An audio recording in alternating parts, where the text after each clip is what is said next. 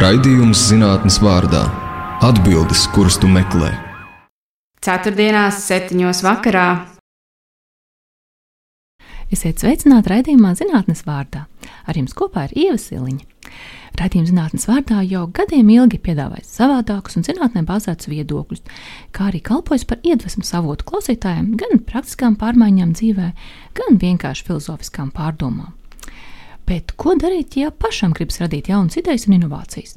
Vai cerēt uz mūzu un iedvesmu, vai varbūt ir kādas tehnikas un veidi, kā droši iegūt cerēto? Par to mūsu šodienas saruna par idejām, to radīšanu un vadīšanu. Un to, ko un kā darīt, ja radītājs ir tik lielisks, ka gribas ar to iepriecināt visu pasauli.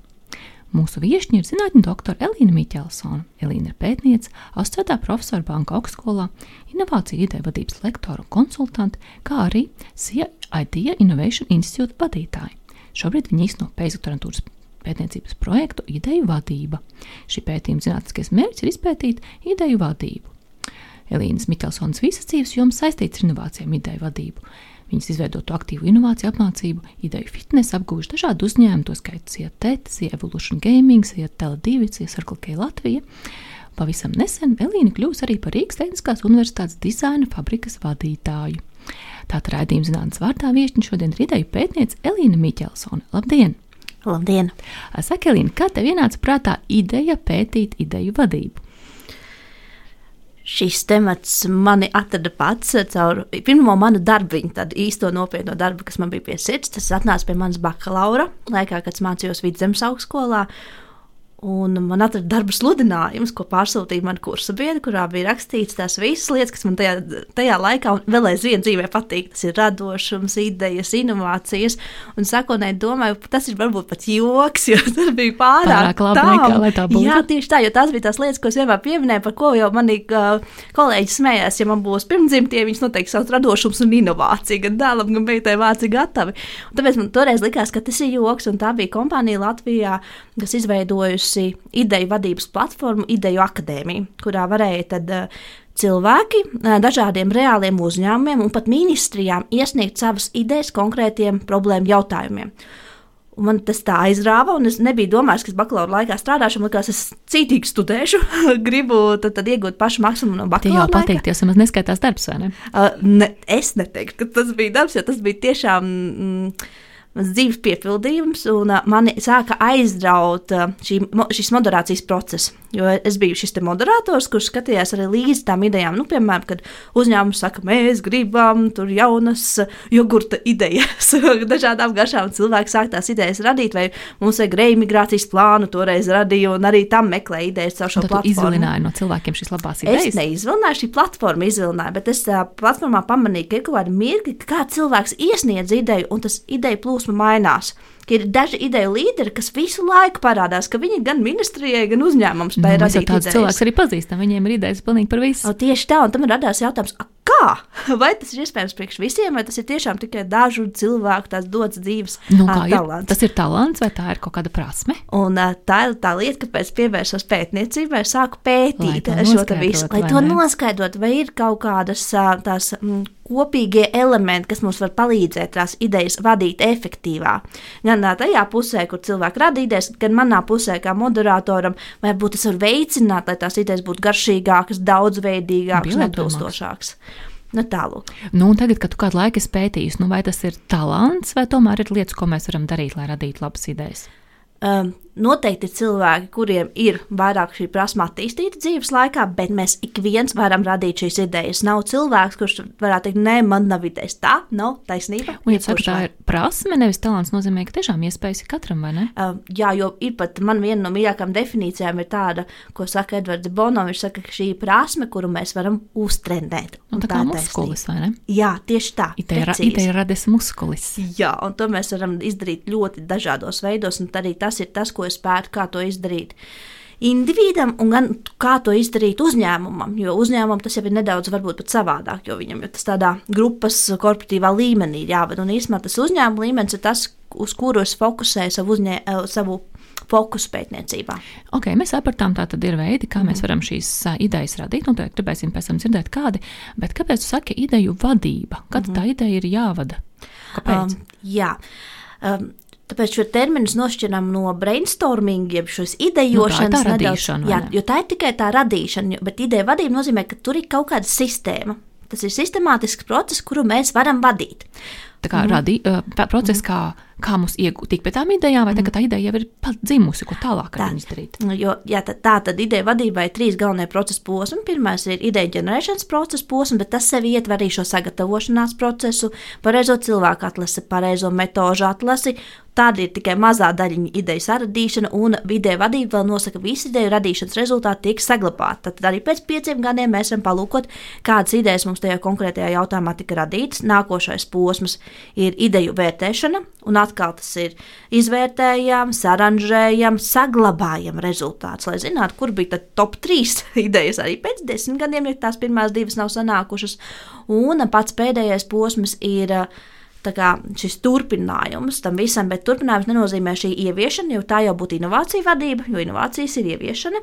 Bet ideja vadība nozīmē, ka turpinājums nozīmē sniegt atgriezko saikni iesaistītajām personām, dot viņiem atalgojumus dažāda veida, un plus, ja mēs pamanām, ka ideja nav pietiekoši stipra radītā, mēs varam atkārtot šo ideju. Um, procesa pirmos soļus, mēs šo ideju vēl vairāk paģenerējam, pa, palielinam un atkal vērtējam tos aspektus, ko mēs esam pielikuši klāt. Vai ir kāda vieta, kur vispār pasmelties idejas, ja negribās pašam radīt nu, kādu, nezinu, enciklopēdiju, kādu labu, kāds mm -hmm. resurs, kur griezties, varbūt kāds jau ir radījis priekš manis. Mm -hmm. Tas jāskatās, protams, par kāda veida idejām mēs runājam. Ja mēs Nu, runājam dzīvē par taču kaut ko vajag. Mm -hmm. Vajag dzimšanas dienas balītas tēmu, uh, par ko rakstīt kursa darbu. Taču vajadzības mums ir ļoti daudz un dažādas. Mm, Ja es šajā gadījumā teiktu, ka nu, vislabākās idejas katrs cilvēks atradīs sevi, pat tie, kas domā, ka viņos nav šo metožu palīdzību. Jo, protams, mēs tur varam iegūglēt, un ir ļoti daudz platformas. Viena platforma ir, piemēram, Springwise, kas apkopo pasaulē labākās inovācijas. Nu, visās tēmās jūs tur atradīsiet kaut ko feinu un labu, bet es pat domāju, vai pamēģināt pašiem. Jo ar tām metodēm, kad jūs vieni paši vai vēl labāk ar savu ģimeni vai draugiem sasēdīsieties kopā un paģenerēsiet tās idejas, jūs paši būsiet izbrīnīti, ko jūs spējat radīt. Nevajag špikot, vajag pašiem radīt. Un kā būtu labāk tā kā pašam radīt, vai tomēr ar draugu un ģimenes lokām? Ja skatāmies, nu, es um, vairāk koncentrējos uz korporatīvo radošumu, tā varam teikt, uh, nevis māksliniecisko. Māksliniekiem noteikti cits viedoklis. Mākslinieks rodas mokās, kalnu galvot, skat lokās. Uh, korporatīvajā vidē nedaudz ar, uh, savādāk es ieteiktu tiešām tādā daudzveidīgā pulkā. Un arī ģimenē, ja vajag to Ziemassvētku ballīti izdomāt, vai nākošo kā dzimš, dzimšanas dienu nosvinēt, noteikti tas ir ģimenes lokā. Un iesaistīt visas no mazākajiem, kas tikko sākuši runāt, līdz pat omītiem nopīšiem, kuriem varbūt tas pasākums nemaz neinteresē, bet tieši tādā daudzveidībā var dzimt vislabākās idejas. Aha, labi, daudzveidība, pulks mums ir atrasts. Nu, tad pastāsti, kas tad prieci, precīzi būtu jādara, tā, kad mēs esam mm. savākušies. Jā.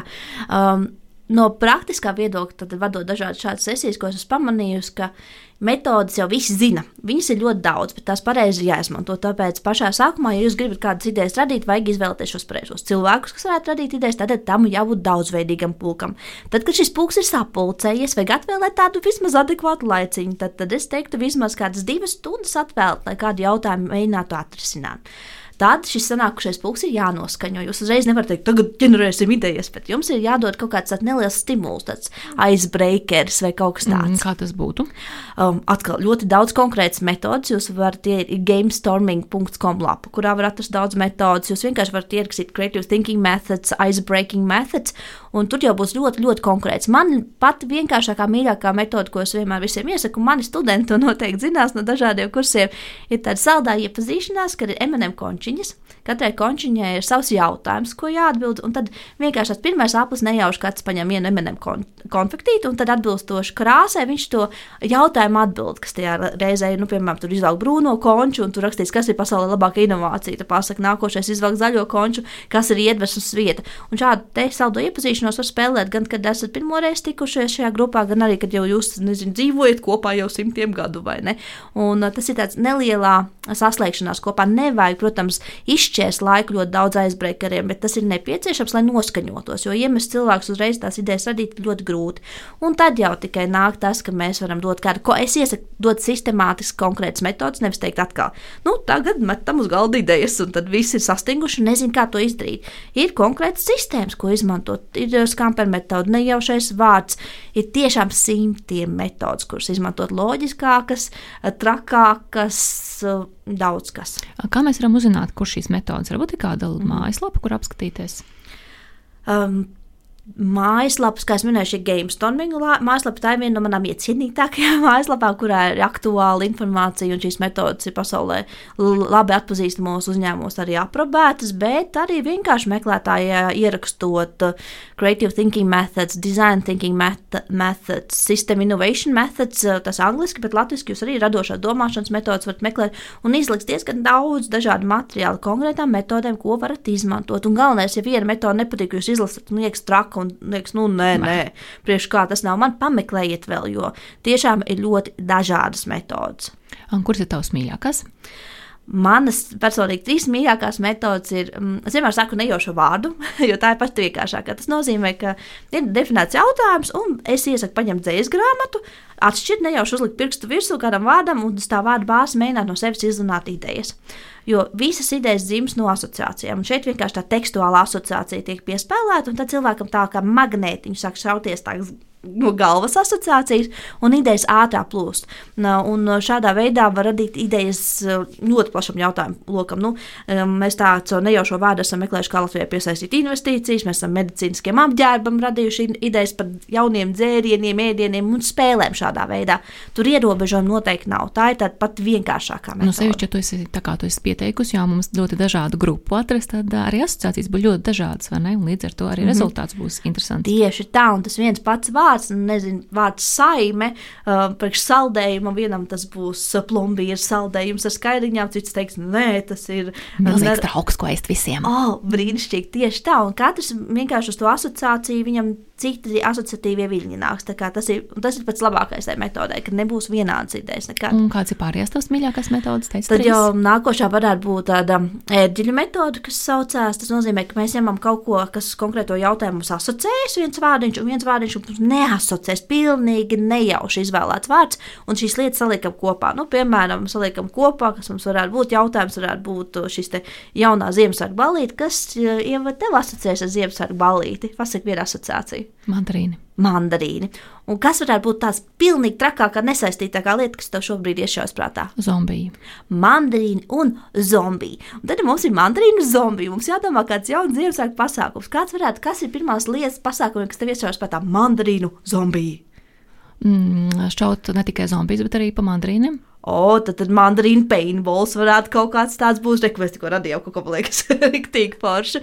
Tas varētu būt iespējams, ka šie zombiji visi ir oranži, kas nāk šo pasākumu visiem jāierodas oranžās šajos apģērbos. Un tur atkal, katru redzot šo vārdu savienojumu, mandarīnu zombiju, viņi iedomājas pilnīgi savādāk, piemēram, šo Ziemassvētku pasākumu. Patiesībā Ziemassvētku paintballs būtu brīnišķīga lieta. Iedomājas Ziemassvētku dziesmas un, un nevis ar krāsām, bet nu, tie, tiešām ar kaut kādiem šiem pārplikumiem, aplikumiem, kurus savādākā veidā nevar. Oh, un smaržīgs paintballs! Oh, Dievs, kolosāli! Ai, gribas pilnīgi ne? Jā, pilnīgi gribas realizēt šo ideju. Un pēdējā tā mīļākā metode. Un, un tad trešā varētu būt tāda uh, nedaudz loģiskāka metode, kas iedod tādu rāmu, tā saucās skampen metode. Viņai tad ir septiņas sadaļas. Un mēs, es viņu saucu par metodu, kuru mēs lietas varam izgudrot no jauna. Piemēram, tas, ko savās lekcijās studentiem dodas, iedod čupu čupu. Saku, rekus kompānija metode ir kā tikai trīs detaļas kārtiņš, um, tad konfektīte un iepakojums. Liekas, ko tad mēs tur varam izdarīt? Bet skāpērs saka, rekur šīs septiņas sadaļas, uh, ar kurām darbojoties, varbūt kaut kas jauns atklājas. Piemēram, uh, pirmais S būtiņš, tas ir substitute, jeb aizvietot. Ko mēs varam aizvietot no šīm detaļām? Tad mēs domājam, o, oh, konfektīte aizvietosim, piemēram, vīnogu, nevis ar ledeni, vai ne? Tur kārtiņu aizvietosim ar salmiņu, uh, nevis ar parastu, piemēram, kociņu. Un tad uh, ir šādas dažādas darbības, tur izsmeļas izslēgt, sakombinēt ar kaut ko ļoti konkrētu. Tad atkal jums dod tādu sistēmu, tu esi atnācis, tev nav idejas, a, tu sēdi to lapu, tādu kā rāmi, tev tas čupučups, un tu teici cauri, un tu saproti, wow, īstenībā no tā arī var izspiest daudz. Un tad vēlāk, ja viņi nāk, nezinu. Tik, tikko biju arī reģionos, un tur bija, piemēram, jāizgudro jā, iepriekšējā gada pasākums no jauna. Tad vienkārši mēs ņēmām iepriekšējā gada programmu, ņēmām skamperu metodu, un viņi gāja cauri, skatījās, o, mūsu damībā jau nav jāsāk no nulles, jau lielisks lietas ir izdarīts, tad viņi skatās, o, mēs sakumbinēsim šo aktivitāti ar to aktivitāti, mēs izslēgsim šo ārā, apgriezīsim kājām gaisā kaut ko, un ar to skamperu metodu sanāk pat, nu, iepriekš jūs radītas lietas, jūs varat pilnībā pārvērst, ka jūs vēlāk brīnīsieties, tā kā tas tiešām bija tas iepriekš. Ja šis laikam ir saraksts, ko vajadzētu katram uh, izprintēt un paturēt katram gadījumam, vai ne? Um, man pat liekas, ka kaut kur noteikti šādu sarakstu var atrast, jo um, es diezgan daudz esmu pasniegusi pie dažādiem uzņēmumu organizācijām. Viņas arī ar tiem materiāliem naski dalās. Tāpēc es domāju, gan jau ka klausītāji ievadīs jau metodu nosaukums vai ideju vadība, ideju ģenerēšana, gan jau viņi šīs metodītas un aprakstus ar piemēriem arī atradīs. Saki, vai ir kāds dzīvesveids, kas ir ideju radīšanai tāds um, medīgāks un piemērotāks? O, jā, tāds dzīvesveids saucas izmēģini jaunas lietas, jo tas var būt tāds īsumā, jo kā tad uh, dzimst tās idejas? Idejas dzimst no asociācijām. Tātad, tad, Jā, kad lipinās kopā, tā kā mums bija asociācija mandrīna zombijas, piemēram, vai vienkārši kas nejauši viens vārdiņš. Un, lai būtu mums vairāk galvā šīs asociācijas, kam salikt automātiski, mums viņas jāiegūst. Un kā mēs viņas iegūstam? Izmēģinot pieredzi, jaunas lietas, jaunas pieredzes. Tas, tas var būt ļoti dažādi. Mēs varam mēģināt jaunus sporta veidus. Citiem patīk lasīt grāmatas, skatīties daudzveidīgas filmas, satikt daudzveidīgus cilvēkus. Galvenais ir jaunas pieredzes, daudzveidīgas pieredzes ir atslēgas vārds, lai mēs palielinātu savu radošo potenciālu. Un kā ar savu burbuli? Tu lasi mm. lekcijas daudzās dažādās augstskolās, Banka augstskolā, Rīgas Tehniskajā universitātē, Rīgas Stradiņa universitātē, Risebā un Biznesa vadības koledžā. Daudz dažādus jaunus cilvēkus attiec. Vai atšķirās šie sociālie burbuļi? Mm -hmm viss vienojošais, ka visur ir brīnišķīgi cilvēki, bet ir kaut kāds nianses, kas, protams, nedaudz atšķiras. Ka kaut kur ir, tad, mm, mm, kurš redz, ka vairāk strādā tās, piemēram, radošuma metodas, kas ir tāds loģiskie rāmi, piemēram, nu, pie inženieru studentiem aviācijas, kas inovācijas rada. Viņiem patīk, ka viņiem iedod, piemēram, šo skamperu metodu. Viņi jūtas droši ar šo rāmi, un viņi ļoti labi performē. Bet, ja viņiem iedod kādu vizuālu asociāciju, ideju radīšanas metodu, viņi sastingst. Un savukārt, atkal citur aizejot ar šo vizuālu asociāciju metodu, viņi pirmā, kas nostrādā mākslas akadēmijā dabūt vizuālās lietas. O, jā, e, tur es pamanīju, ka tie cilvēkiem, kas jā, ar kultūras sfērā darbojas, tā, viņiem iedod vizuālās asociācijas, viņi uzplaukst. Viņiem iedod to rāmi, viņi tā nedaudz aizvarstiet. Un atkal citiem, kā es saku, tur viņiem tas prāts ir vairāk uz to stemu jomu, piemēram, viņiem vajag šos rāmus nedaudz loģiskāks, sistemātiskāks metods. Un no, vienīgais tas, kā no viņiem izolētīs idejas atšķiras, bet tas viņu potenciāls noteikti neatšķiras. Jo visiem cilvēkiem potenciāls rādīt šīs idejas brīnišķīgi. Ja mūsu klausītājs, teiksim, nu, gribētu teikt, kļūt radošāks, mm -hmm. nu, kas būtu tas burbulis, ar ko būtu vērts tikties, runāt un ko padarboties? Burbulis, kas ir atšķirīgāks no paša burbuļa. Tas varētu būt tāds atslēgas vārdiņš. Nevis meklēt uh, prātus, kas domā tāpatām, dara to pašu, ko šis cilvēks, bet pilnīgi, pilnīgi savādāks cilvēks, jo tur atnāks savādākas asociācijas. Un, kā jau teicu, nav nekāda maģija, aiz ideja vadības, idejas rodas balstoties uz asociācijām. Ja satiksies atšķirīgas asociācijas, radīsies radikālākas idejas. Um, kas būtu tā lieta, ko ieteiktu katram cilvēkam iemācīties, vai noklausīties, vai uzzināt? Hmm. Es noteikti ieteiktu atrast vismaz divas, trīs tās mīļākās metodes. Tā kā es savas metodes esmu atradusi, kā izlunāt no sevis personīgi idejas, es ieteiktu katram cilvēkam atrast tādas trīs metodes arī priekš sevis. Un tās es varu galvot, ka citiem tās nebūs tās pašas, kas man, jums tās būs pavisam savādākas metodes, bet vajag tās atrast. Un tad jūs pamanīsiet, ka jums tā mūze ir aiz, aizklejojusi kaut kur un tik dabīgi tās idejas nenāk, tad vienkārši jūs tā kā no kabatas izvelkt šo metodi un varat tā pareizi. Man tā vajag, nezinu, izmantot kaut kādas, piemēram, vizuālā metode tāda ideja pareģošana, ka uzmet tādas kauliņas ar attēliem, tad skatoties attēliem, mēģina tās idejas radīt. Un tad jūs atceraties šo, tad jums vienmēr ir līdzi kaut kādas, nu, nezinu, kartiņas ar attēliem vai kaut kas tāds, ka jūs vienmēr esat gatavībā. Ja vajadzēs, tad jūs zinat, ah, man ir šāds rīks sistēma, kā tās idejas no sevis vai, piemēram, no saviem kolēģiem darba izvilināt. Tas būtu mans ieteikums. Pie mums nesen studijā viesojās smadzeņu pētniece Kristīna Šneidere. Viņa secinājums bija tāds, ka mums faktiski visu mūžu ir jāmācās un jākustina savas smadzeņu šūniņas savādāk. Jā, savādāk mēs pateikt, riskējam ar, ar veselības problēmām vecākās dienās. Un man rodas sajūta, ka tieši šis radošums, šī domāšana par jaunām idejām, jaunām asociācijām varētu būt ļoti labs veids, kā visu mūžu kustināt savus smadzeņu šūniņus. O, jā, tā noteikti ir smadzeņu šūniņu kustināšana. Um, jo nu, tās arī mēs iepriekš runājām par tām sinapšu veidošanos vispār. Jo, izmēr, tur jau tas līdzīgs process, kā tās idejas rodas, jo tur jau arī sakombinējas tās lietas, tur rodas tās saitītas starp tām asociācijām. Tā, tā ir tā smadzeņu trenēšana. Tiešām, jo arī kā man studenti saka, dažreiz, oi, kā smadzenes sāpēja pēc lekcijas, un es saku, malečs, tas nozīmē, ka ir izveidojušās tās kombinācijas jaunās, un tāpēc, ja pēc ideja radīšanas sāp tā galva, tad jāuzsit savus plecus, jo tas nozīmē, ka diezgan daudz smadzeņu sastrādā strādājušas labas lietas. Tas labi pastrādājis tāpat mm -hmm. kā mhm. trenižera zālē, vai ne? Jā. Šis ir raidījums zinātnes vārdājums kopā ar Ievu Seliņu. Viesosim šodien ir ideju vadības lektora un konsultante Elīna Miķelsone. Iepriekš runājām par to, kā radīt dažādas jaunas idejas, tagad gribētos parunāt Elīna par tavu pētniecību tu īsteno pēcdoktorantūras saimnieciskā darbību saistīto pētniecības pieteikumu, ideju vadība. Pastāsti, ko tas saimnieciskais pētījums nozīmē un ko tieši tu dari? Uh -huh. uh, tas nozīmē, ka šo pētniecisko projektu veids no uzņēmuma, tas ir no šī SIA ID Innovation Institute, un man vēl tas atēs gadījums, ka es esmu ne tikai šis pētnieks, bet arī uzņēmējs, tāpēc man tas ir tāds dubults darbs. Dubults dubults ieguvums. Rezultāti uzreiz ir izmantojami. Protams, un tas arī tas mans stimuls ne tikai veidot šos pētījumus, pētīt, sniegt zinātniskos outputs, kā zinātniskos rakstus, piedalīties zinātniskās konferencēs, bet domāt par praktisko pielietojamību, par šo praktisko labumu.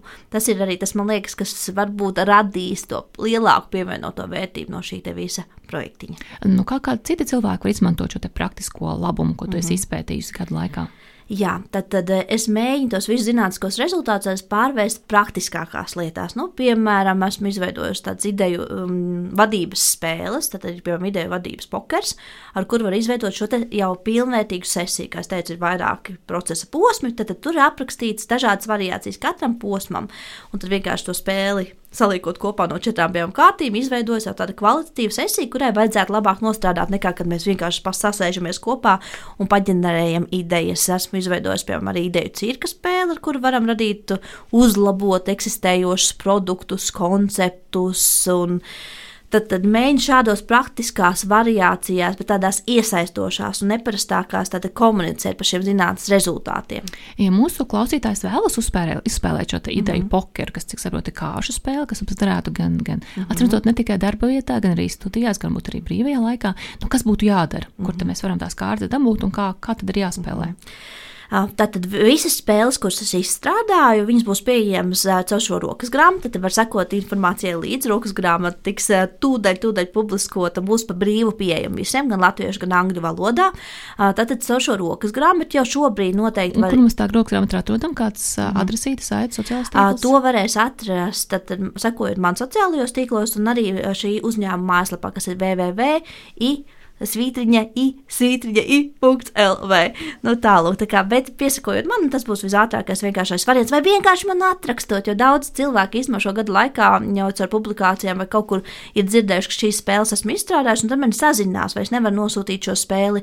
Un tad uh, man ir dažas drukātās versijas, tās es esmu padalījis, un liekas, esmu izdalījis kāds 50 ideju pokerus, vairāk izmantoju nekā 200 ideju cirkus. Uh, tā kā man liels prieks, ka cilvēkiem ir interesi par to un uzņēmumiem, un viņi paši ar mani sazinājušies. Uh, bet droši man var sazināties, var nosūtīt arī digitālās versijas. Un kā mūsu klausītājiem zināt, kas ir labāks viņam cirks vai pokers? Es domāju, jāizmēģina abas lietas, jo, kā jau teicu, katram ir pilnīgi savādāks saslēgums izveidoties ar metodi. Kam viena metode strādā un patīk, tam citam nepatīk šī metode. Tas ir iemesls, kāpēc sakoju, ka katram cilvēkam atrast vismaz trīs metodes, kas strādā priekš konkrētā cilvēka. Mhm. Un kas ir ideju fit? Jā, ideja fit. Tas atkal bija tāda interesanta doma, ka vajadzētu izdomāt, kā neparastākā veidā ievākt šos datus priekšpētniecības, man vajadzēja šos case studiju. Un case study jau tāpat tā lielā daļā manā gadījumā būtu kā padziļinātākas intervijas. Es domāju, ka šie rezultāti jau pirmajās sarunās bija tik interesanti, ka es gribētu, lai tās pilnās versijas dzird arī citi.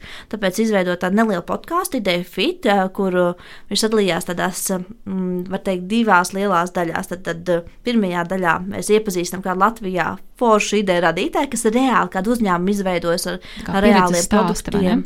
Jā, tieši tā kā pieredzi stāstu savu, tad pastāst par šo ideju, uzņēmumu, kā ir tas radies. Tad ir 15 jautājumu tests, kurus vēlāk rezultātus izmantoja zinātnē, um, pētniecībā. Tad arī tas zinātniskais raksts tūdaļ, tūdaļ tiks iesniegts un publicēts. Un tad otrajā daļā pēc šī te testa, ja mēs kādu praktisku ideju vadības metodu apgūstam ar uzņēmumu, izspēlējam uz viņu doto gadījumu, patestējam, vai šī metode strādā vai nestrādā, un tad šīs metodas var izmantot un atkārtot arī citi klausītāji. Un nozīmē, tas arī varētu būt labs pieturas punkts, kur griezties, ja mēs vēl meklējam savu ideālo ideju radīšanas metodi, vai ne? Protams, tā kā es aicinu podkāstu, pastaigā var likt austiņas, klausīties podkāstu, un, jo kāpēc pastaigā es aicinu to visu baudīt, jo pastaigas laikā jūs ne tikai klausīsieties podkāstu, bet arī iegūsiet jaunas asociācijas un kļūsiet radošāki.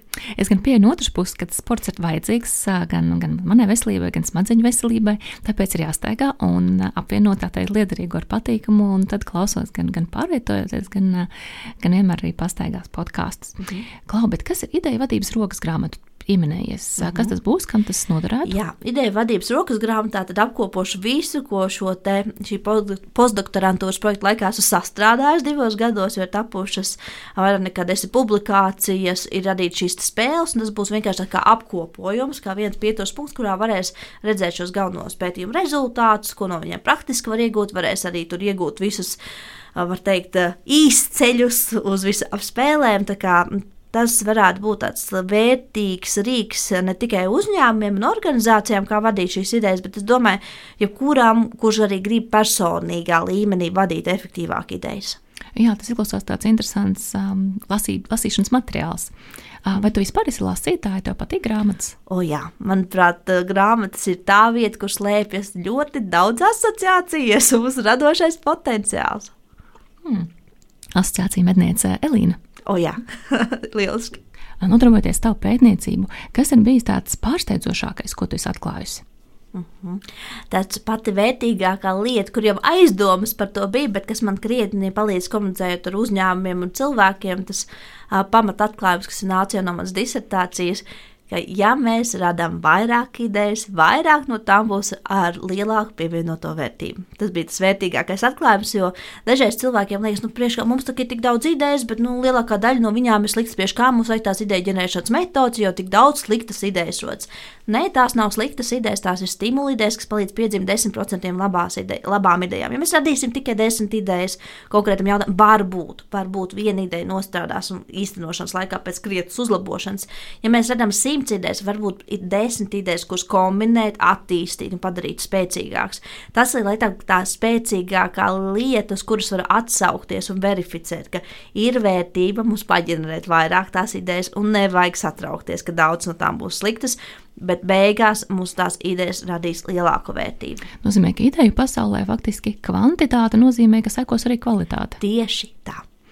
Vai tavu pētījuma rezultāti arī tiks izmantot Rīgas Tehniskās Universitātes dizaina fabrikā, kur tu šobrīd strādā? Ja es jau cenšos viņus izmantot dažna, dažādos veidos, jo pie mums arī griež dažādi uzņēmumi, mums notiek dažādi hackathoni, tur jau šīs ideju menedžmenta lietas mēs izmantojam. Un arī prieks, ka mani darba kolēģi ieklausās, un mēs arī izmantojam šīs metodas, lai rastu dažādus jaunus veidus, kā piemēram attīstīt studentu šīs inovātoru prasmes. Mēs palīdzam tapt jauniem prototipiem, jaunām inovācijām, piemēram, studentu inovāciju grantu ietvaros. Es mēģinu šīs prasmes ar viņām dalīties un zināšanām, cik vien es varu. Un dizaina fabrikā, man liekas, tā ir ļoti, ļoti vērtīga augsne, kur to darīt. Vai mūsu klausītājs arī var griezties pie tevis dizaina fabrikā? Un, jā, noteikti uz Rīgas Tehniskās Universitātes dizaina fabriku var pieteikties uz kādu ekskursiju, vēlaties atnākt un redzēt tās brīnišķīgās iekārtas, kas mums ir, jo mums šobrīd ir jau divas laboratorijas, kurās var darboties. Un nevajag domāt, ka tur var nākt tikai studenti. Nē, tur var nākt uzņēmumi, tur var nākt jaunie mazie interesanti, kas grib paskatīties, varbūt viņi grib darboties STEM uh, jomā. Tad, tad jebkuram ir uh, dizaina fabrikas durvis atvērts, kas vēlas kaut ko jaunu radīt. Un, protams, studentiem, tad studentiem iesaka pasakot līdzi ideju banka.lv, kur ir šie studenti inovācija granti iespējas, astoņas programmas, uh, kas sniedz iespējas iegūt stipendijas, grantus, lai savas idejas attīstītu. Tas nozīmē, ka mēs uz um, dizaina fabriku rodamies tad, kad mums ir jau radusies ideja, vai mēs varam rasties, ierasties vienkārši tā. Var arī vienkārši ierasties un teikt, ka es varbūt gribu kaut ko darīt, vai es gribu saprast, vai es esmu inovators, jo mēs arī nodarbojamies ar šo spēju kompetenci attīstīt. Tad mēs attīstām jūsu spējas kompetenci, lai jūs varētu radīt šīs idejas, ko vēlāk varat ieviest. Un pēc tam doma būtu izveidot prototipu, vai ne? À, tieši tā, ka mēs jūs pavadām līdz tam solim, kad jūs radat prototipu. Un tad parasti arī tajā pēdējā solī mēs mēģinām atrast to nākošo programmu, iespēju sadarbības partneri, lai tālāk dotos. Mm -hmm. Un tāpat tas iet roku rokā patiesībā ar šo radošumu veidošanu, vai ne? Jo, kā jau teicu, mums vajadzīgas mm -hmm. vairāk, vairāk idejas. Kā tev šķiet, kas ir labākais dzīvesveids, kā veidot radošumu? Mm -hmm labākais dzīvesveids ir tiešām šī daudzveidība, daudzveidīga dzīve. daudzveidīga dzīve, kur mēs satiekam daudzveidīgus cilvēkus, mēģinām daudzveidīgas aktivitātes, patstāvīgi mācāmies un attīstāmies. Man liekas, tā patstāvīgā mācīšanās mūža garumā ir ļoti, ļoti būtiska, jo mācoties, mēs iegūstam, atkal tas bija vārdiņš, asociācijas. Bet ko tu ieteiktu mācīties? Kā um, kādus online kursus vai um, iet beigt vēl kādu augstskolu vai kādu citu? Jebko, jebko, kas pašam cilvēkam izraisa šo interesi. Jo ko es redzu studentos, dažiem cilvēkiem ir atskriņi mācās. Un tas ir pats foršākais. Un redz, ka šie cilvēki tver un ņem daudz vairāk, un domāt arī tās asociācijas no šī procesa. Uh, bet uh, es noteikti, kad man arī prasa elīte, ko man, vajag, man liekas, ka man vajadzētu studēt, ko man vajadzētu studēt, iesaka labāko programmu.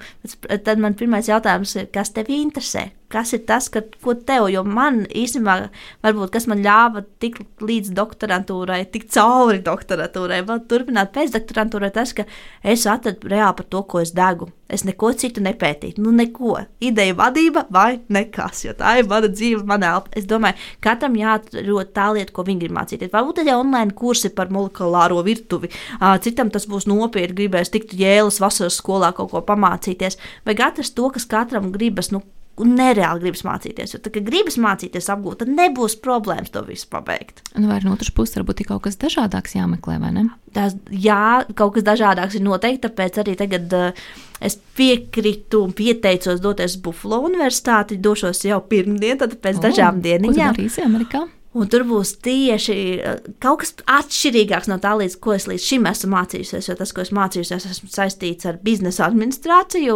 Tagad mums būs tieši vairāk šī digitalizācija, tehnoloģijas. Tas nozīmē, es arī mācīšos programmēt, ko es nekad mūžā neesmu darījusi. Un es par to reāli baidos, bet tas vienmēr ir saka, Elīna. Tas būs jaunas asociācijas, tu kļūsi radošāka, tā kā tev to vajag. Nu, tagad jau programmēšana jaunā sešpaka mums daudz zinātnieku norāda, ka tas būtu jāmāk katram. Nu, es to jau mācīšos, tad varēšu pateikt, cik forši tas ir. Bet es domāju, ka man tas noteikti noderēs, jo man arī viens no sapņiem ir varbūt kādreiz uztaisīt ideju vadības sistēmu, tad ar internetu vidē, kas būtu tiešām balstīta uz maniem pētnieciskiem rezultātiem. À, tad tā būtu tā kā atsevišķa metode, vai kāds būtu? Um, jā, tā būtu atsevišķa metode, bet arī kas iekļauj šos procesa posmus, ko es minēju. Ideja vadība tas nav tikai izrauta viena metode, ideja vadība ir tomēr šie visi procesa solīši. Un es gribētu, lai šī beidzot būtu tāda platforma, ja es to veidotu, ja man būs tā zināšanas pēc šiem četriem mēnešiem, ka tiešām viņai visi šie ideja vadības soļi un um, ar visu to nepieciešamo infrastruktūru, lai cilvēks vienkārši pēc tiem soļiem, funkcijām izdara to pareizi lai būtu labi rezultāti. Mm, tas ir droši vien iet roku rokā arī to, ka sabiedrība tiek informēta par to, nu, kāpēc vispār ir vajadzīga šī ideja un inovāciju vadība. Mm -hmm, tieši tā, jā. Jo brīžā man šķiet, cilvēki uzskata, ka nu, idejas tas ir kaut kas, nu, ir, ir, nav, nav. Un, uh, Nepieietam tik metodiski. Vai, vai uzņēmumi domā, pamēģinājām, vienreiz nesanāca. Tad jau mums to nevajag. Tieši tā, tāpēc es ceru, ka varbūt kāds no maniem šiem rīkiem izstrādātajiem vai podkāstiņiem, rokas grāmatā vai kas atgriezīs ticību, ka varbūt mums arī tās idejas ir un mēs tās varam radīt un kā to radīt kvalitatīvi. Jo, kā jau saku, metodas ir jau pieejamas ļoti, ļoti daudz, bet kā tās pareizi pielietot, tas ir tas mans uzdevums to izpētīt un parādīt, lai rezultāti beigās būtu labāki. Jo visi jau vienmēr prasa, bet Elīna, kāds labums no tām idejām, tāpēc es arī pētu to pēdējo solīti kāda tad vērtība tur var rasties un kādos veidos izmantojot tās metodes, kādās tā kā, mm, tā kā sequencing tās metodas kopā, kā tad beigās rezultāti būs labāki. Vai arī kāda ārzemju resursa, ko tu varētu ieteikt paskatīties? Mm. Jā, laikam jau trešo reizi pieminēšu, tad kā tiek reklāma GameStorming saitam, bet tā man liekas fantastiska lieta, jo GameStorming, kā es atklāju, īstenībā doktorantūras pirmajā kursā, kad man lika rakstīt referātu par kādu foršu lietu, kas ir noteikti praktiski. Un ko varētu arī varbūt pētīt kādreiz, un tad atradu GameStormingu. Tajā laikā vēl nebija tik daudz um, šīs digitālās grāmatas, varēja pasūtīt tikai uh, cietajos vākos no ārzemēm šo grāmatu. Es saņēmu, kad pasūtīju grāmatu, man teica, ka viņas piegādās pēc referāta, bet sapratu, man parasti tā, es gribu to vai neko. Tad man bija referāts tikai par to vai neko, bet vajag kvalitīvus resursus vai intervijas, ko atsaukties. Un es domāju, metīšu kalnu pie malas latviešu un aizrakstīšu galvenajiem onkuļiem un tandēm šajā sfērā.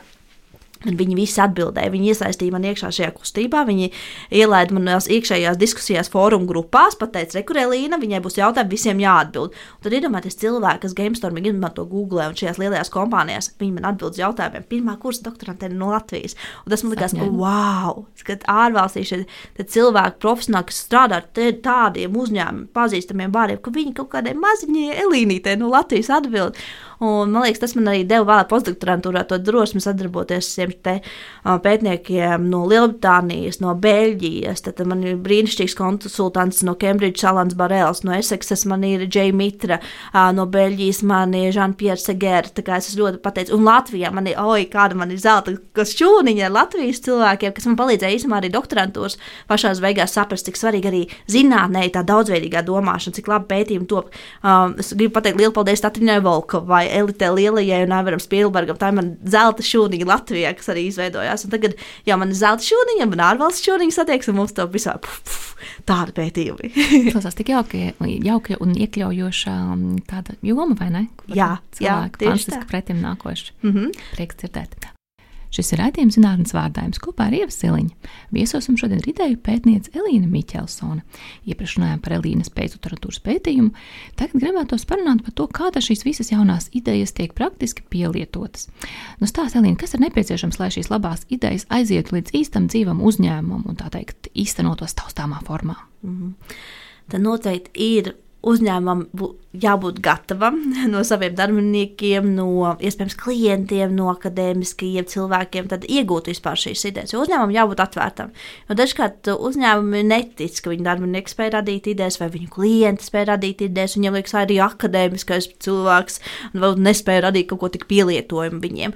Galvenais atrast to ticību, ka kaut kur ir ideja priekš viņiem un atrast pareizo ceļu. Jo visiem nebūs viens veids, kā iegūt idejas. Jā, būs uzņēmumi, kas teiks, mēs gribam tā slepenāk, aizvērtāk radīt šīs idejas. Nezog. Jā, lai, jā, jā, jā, lai nenozog, lai citi nepamana un lai intelektuālais īpašums neškād, bez šaubām pieder tikai un vienīgi viņai, nevienam citam. Tad tā ir tāda vairāk iekšējā ideja vadība. Tad citi teiks, nu, mums ir maziņš uzņēmums, mums, mums, mums tikai pieci darbinieki, esam jau sevi izsmēluši, bet mums vajag vēl idejas. Tad viņi saprot, varbūt, o, mēs varam izmantot tādu ārējo ideju vadību, mēs varam vairāk iesaistīt tiešām lojālos klientus, sadarbības partnerus, nevalstiskās organizācijas. Nu, tur ir vairāk nekā 14 dažādi partneri, kurus varat iesaistīt ārēji vai ne. Tikai vajag pareizos izvēlēties. Un uh, var arī tādu miksētu, varbūt veidu, kāds uzņēmums teikt, jā, mēs gribētu, lai mums ārējie cilvēki rada idejas, bet mēs tā kā neticam, ka ārējais cilvēks spēs izvēlēties adekvātāko ideju priekš mūsu gadījumu, tāpēc ideju vērtēšanu atstāsim mūsu, piemēram, darbinieku speciālistu rokās. Tāpēc katram uzņēmumam pirmkārt jau jāatrod šis pareizais ideju vadības veids, jo visur nestrādās, jo iespējams ir jau arī labi farmācijas piemēri, piemēram, kur uh, ārējie cilvēki rada šīs idejas. Uh, Um, bet tie nav tādi gluži nespeciālisti. Bet atkal citas jomas, kur ārējais cilvēks diezgan veiksmīgi var iesniegt idejas ļoti komplicētiem jautājumiem. Un kāda to ārējo cilvēku vai organizāciju izvēlēties, vai ir kāds katalogs, kur apskatīt?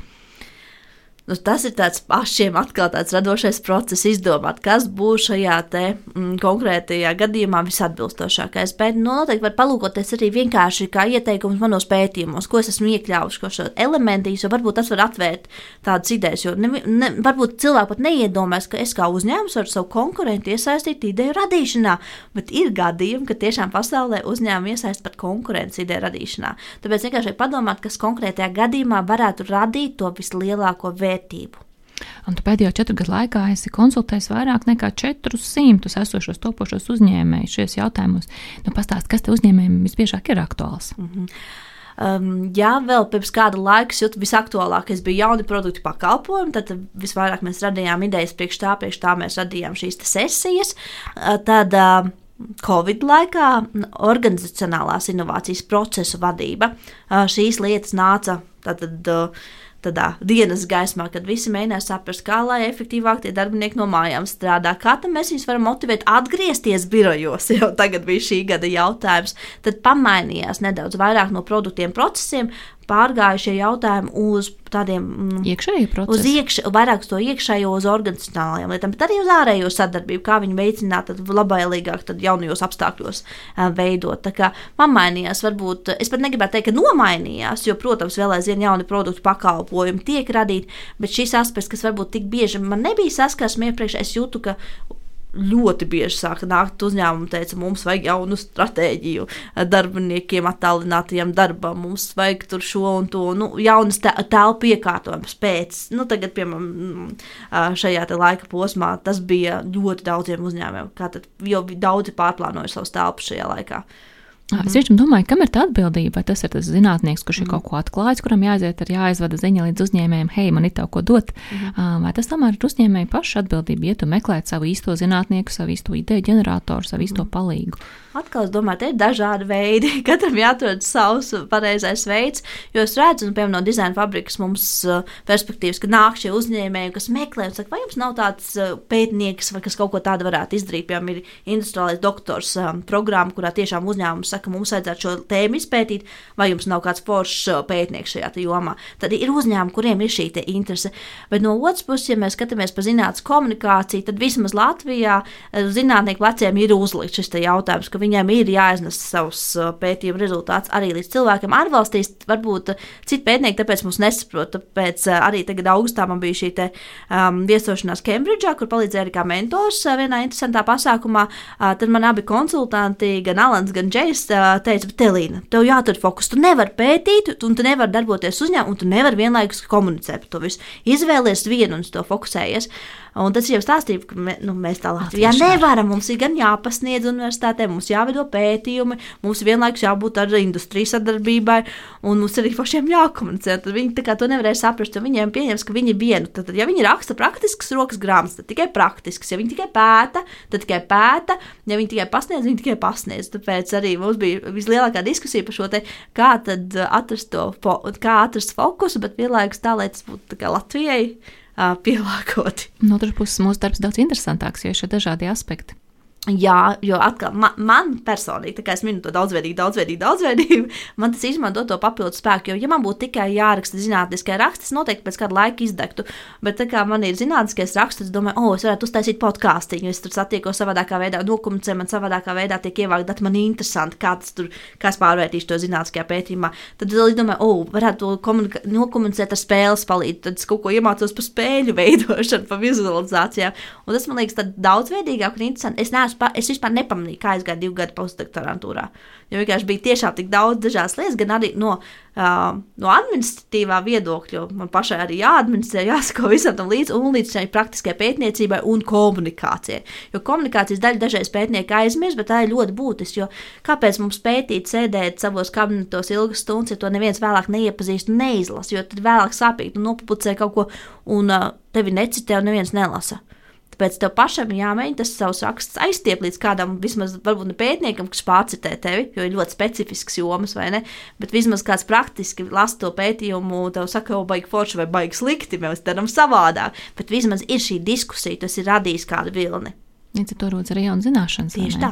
Runājot par cilvēkiem, kas dara visu, mums Latvijā ir ļoti daudz sīku uzņēmēju un mm. mazie uzņēmēji. Un tas bieži ir cilvēks, kuram tiešām ir jāspēj visas lomas izpildīt.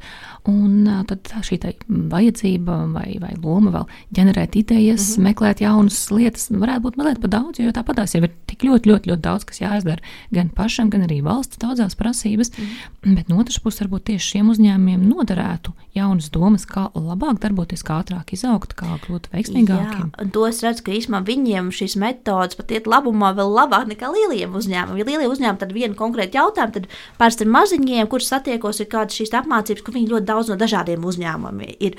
Un viņi apgūst šīs metodas, vēlāk iet un pielieto ļoti daudzveidīgā lokā jautājumu, vēlāk satiekoties ar viņu. Viņi saka, oh, meitenība, tavs metodas strādā. Saka, kur strādā. Viņi saka, oh, mēs tādu jaunu produktu uztaisījām.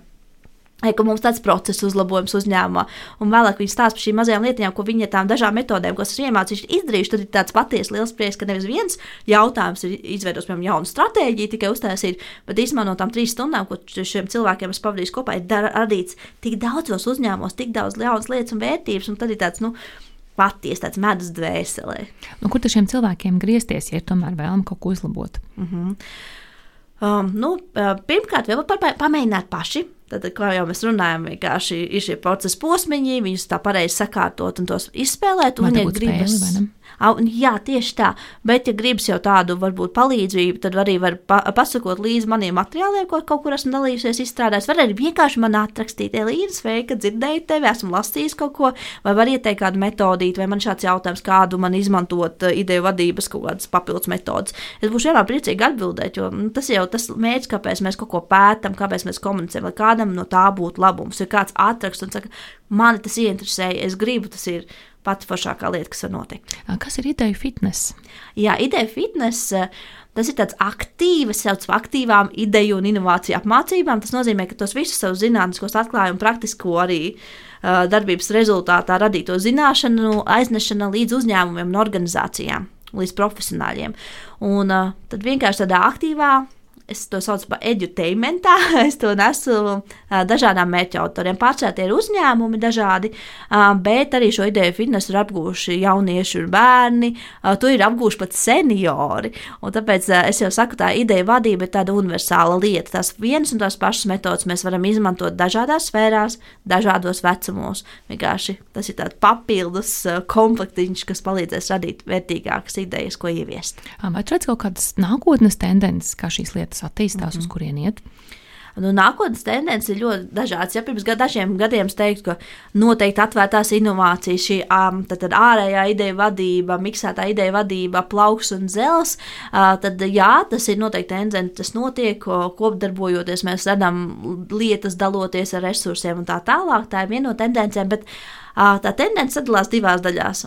Arī izteiktāk kļūst uh, arī aizvērtie uzņēmumi. Jo uh, uh, tiek radītas ar vien radikālākas lietas, pēc tās inovāciju viņa teorijas, tagad tas mirklis, ka kaut kas tur nāks pasaulē, vai ne? Un daudz uzņēmumu pie tā arī darbojas dažādām, nu, es gribētu teikt, tuvāko gadu laikā mēs redzēsim radikālas dažādas inovācijas, tāpēc viņi tās savas dutiņas nedaudz aizvēruši un tās ļoti slēgti sāk radīt inovācijas. Tāpēc ir tādi, kas kļūst vēl, nu, tādi radikāli atvērti un iesaist pat konkurentus, un tad ir otra grupa, kas ir ļoti noslēgta, kļūst, ka ļoti noslapino visas lietas, ko dara, es pat neteiktu, ka ir viens tāds konkrēts ceļš, bet ir dažādi ceļi. Un atkal jāskatās, kur jūs darbojaties, kādā jomā jūs darbojaties, kas jums ir atbilstošāk. Jebkurā gadījumā tas ir interesanti mums visiem, kādas mm. būs šīs radikālās inovācijas, ko mēs būs, varam gaidīt. Būs, un arī mūsu Latvijā mēs redzēsim, kas notiek, jo redzot, kas notiek universitātēs dažādās, un kāda aizmetnīša tur ir un šajās dažādās programmās, kas notiek. Oi, mēs redzēsim mūsu vienradžu pilnu Latviju lēkās drīzumā, manuprāt. Es tam reāli tiešām no sirds ticu un redzu, ka tam ir pamats. Kā radīt inovāciju, ino, inovatīvu, brīnišķīgu vienradzi? Kāds būtu mm. tavs ieteikums? Uh, mans ieteikums noteikti būtu uh, radīt to tādā sfērā, jautājumā vai problēmā, kas pašam ir svarīga. Jo tad, lai deg tās acis, jo visbriesmīgākais ir sēdēt, piemēram, es arī ideju kausā, man ir bijusi tā laime sēdēt šajā komisijā, un es redzu, ka ir cilvēki, kas atnāk, viņi deg pēc to ideju, viņi kaut kādā liesmo, un tu vienkārši arī aizdedzies par to ideju, tu gribas, lai tam cilvēkam sanāk. Un atnāk cilvēks ar foršu ideju, bet tu redzi, ka tā varbūt ir aizgūta ideja, jo tā nu, nedeg cilvēks par to ideju, un it kā liekas tik forši un atbilstoši. Un ja nav tās teiksmes, tad tas vienadzīts vēlāk neizveidos. Un dažreiz ir tā, ka cilvēks varbūt nesaka tik labu ideju, bet viņam deg tās acis tā, ka cilvēks saka viņam palīdzēt, saka viņam attīstīt šo ideju, iesaka papildus iespējas, un tad tu redzi, ka pēc gada satiek to cilvēku, kā viņš ir izaudzis. Un es tādus gadījumus arī redzu no saviem studentiem, kas sākuši sakot, man nav idejas, pēc gada jau uzvar ideju kausā, piemēram, iegūstot prīzes, tad uzvar kādā jumpstart arī vai kaut ko, tad vienkārši tam visam seko līdzi, tad liekas, wow! Nu, tiešām galvenais, lai deg tās acis un itis drives. Un man liekas, tiešām mēs redzēsim daudz vienradžus. Redzēsim, redzēsim. Saka, ar ko šķirās šī inovācija vadība no ideja vadības? Mm -hmm. Tad, tad ideja vadība tas ir tiešām par šo sākotnējo posmu, kā mēs redzam, novērtējam, idejas, lai mūsu saprastu, kas ir tā Pirms tas vērtīgākā vienreiz ir dzimis, vai ne? Mm -hmm. Tieši tā, pirms tas ir dzimis, tad mēs dažādas alternatīvas spēlējamies, meklējam, tā kā, kā atrast um, aizmetni vienredzību. Inovācija savukārt sākas jau tajā posmā, kad mums ir viena ideja un mēs to sākam realizēt. Jo inovācijas ir par ieviešanu. Ideju vadība tas ir par ideju, par idejošanu, par vērtēšanu, par labākās idejas atzīšanu, par to validāciju. Inovācijas vadība sākas tajā posmā, kad mēs šo ņemam ideju un ieviešam. Vai ir kādas metodas, ā, rīki, padomu, ko tu varētu dot tiem, kas jau ievieš šīs inovācijas? Uh, par šo ieviešanu tad jāskatās jau vēlāk par šo inkubāciju, kā šīs idejas labāk inkubēt, jo ir arī mm, ir tās laša modelis, ko mēs Rīgas Tehniskajā universitātē ļoti daudz vācam saviem studentiem. Tur ir forši arī aprakstīts, ir nākošie procesa posmi, kas mums jāņem vērā un labāk jāstrādā. Tad vienkārši atkal jāiet tie procesa posmiem pēc laša modeļa, piemēram, un tad var skatīties, kā tā veiksmīgāk savas idejas attīstīt. Bet šādas metodas ir ļoti dažādas un daudz, ko var skatīties, un atkal jāskatās, kurā procesa posmā jūs esat, piemēram, arī Innovation Due Diligence, piemēram, pieeja, ko var paskatīties, lai varētu saprast, cik tur liela vērtība tajā visā ir. Pieejas metodikas ļoti daudz. Piemēram, arī jūs jau kaut ko ieviešat, man liekas, tā ir brīnišķīga lieta, ko es pagājušajā gadā esmu nedaudz pamācījusies arī postdoktorantūras projektam, ā, ā, pateicoties, jo īsumā postdoktorantūras projektā mums ir jāmācās bija. Un es apgūstu 40 kursus dažādus jaunus šo divu gadu laikā. Un tad, protams, maziņi semināri lielāki, un viens no tiem bija par system innovations, par sistēmu inovācijām. Tas ir kā to savu ar savu radīto vai sev kā partnerim iekustināt pēc iespējas lielāku šo tīklu. Man liekas, tā ir tāda fantastiska doma īstenībā. Tā kā varat paskatīties šādas pieejas. Vienkārši vajag skatīties, kas notiek, jaunas lietas, praktiskas lietas no zinātnes tiek aiznestas praktisko vidi, un vajag sākt tās vienkārši pielietot. Saki, visu tavu dzīvi šeit ir inovācijas un jaunas idejas. Vai tev ir arī brīvais laiks, un ko tu tajā dari? Kā tu ķeri asociācijas? Jā, es meklēju asociācijas vedību. Tas ir vienmēr par, ja man ir kāds brīvs brīdis, tas ir par kaut kādu daudzveidību noteikti saistīts. Es mēģinu daudz kaut ko eksperimentēt, jaunu izmēģināt. Tas noteikti ir tas, ko es mēģinu. Protams, tas ir visu laiku kāpšana ārā no tādas normālas stāvokļa, no nētības. Man arī ir šausmīgi grūti kaut ko jaunu pamēģināt, piemēram, bet es sev atgādināju, Lina, vajag, vajag, lai tās asociācijas būtu, jo savādāk tā kā iestagdē savā ideja vadībā, rada savu spēles, un tu jau jūti, ka ceļošanas īstenībā samazinās tādā veidā, nevis palielinās. Un tāpēc es kaut ko eksperimentēju, piemēram, šajā te uh, gadā izaudzēju 11 ananāsu bērniņus no viena ananāsa stāda. Jā, sanāca, sanāca, tad tur citus iepaspēlējos, tad es gleznoju ar uh, skaņām. Tas nozīmē, ka ir kanva, zem kanvas paliek, piemēram, tumbu apakšā, virsū saliek krāsa, ieslēdz kā dziesma, tā dziesma izmētā krāsa pa kānu, tā līdz ar automatizētu mākslu radīju, piemēram, un visu laiku mēģinu šādas kaut kādas lietas izdomāt, ā, tad vienreiz izdomāju, ka ķērpjus pārvērst par uh, tādiem skaistiem piekriņiem, likās, paskatījos, man liekas, tā kā uz ķērpju, man liekas, wow, tas tā kā korālis, tas ir kā kaut kas, nu, tāds ļoti, ļoti skaists, ka gribējās viņu apzeltīt, uh, un tā tālāk, lai to varētu visu laiku ikdienā nesāt kaut ko, tad izmēģināju 11 dažādas tehnikas, kā to var izdarīt, piemēram. Nu, visu laiku var šādas mazas muļķības dara, bet tās muļķības mazās vēlāk palīdz, jo, piemēram, tās 11 tehnikas, ko es mēģināju, kā es teicu, iestīvināt šo te ķērpi, man vēlāk noderēja konsultējot jaunos uzņēmējus, kas tur kaut kādas citas tehnoloģijas mēģināja izstrādāt, kaut kādas koku flīzes vai kas, un es teicu, ej, klausies, bet pamēģināšu tādu tehnoloģiju. Viņš, o, jā, varētu pamēģināt. Un tad atkal redzat, kā tā zināšanas no nesaistītiem jautājumiem var aizlikt uz vērtīgām lietām. Tāpēc jāmēģina jaunas jau tikai mazas idejas. Tu minēji, ka tev ir sapnis par um, ūdens torni. O, jā, tas ir man liekas trakākais pēdējā laika sapnis, jo sapņi man visu laiku visādi trakirots. Jo es dikti, dikti gribētu kādu ūdens toni, ko pārvērst par tādu bezgalīgo bibliotēku. Jā, tur tāds vizuālais koncepts. uh, kas varētu vēl piesaistīt arī jaunatni vairāk radīt šīs idejas.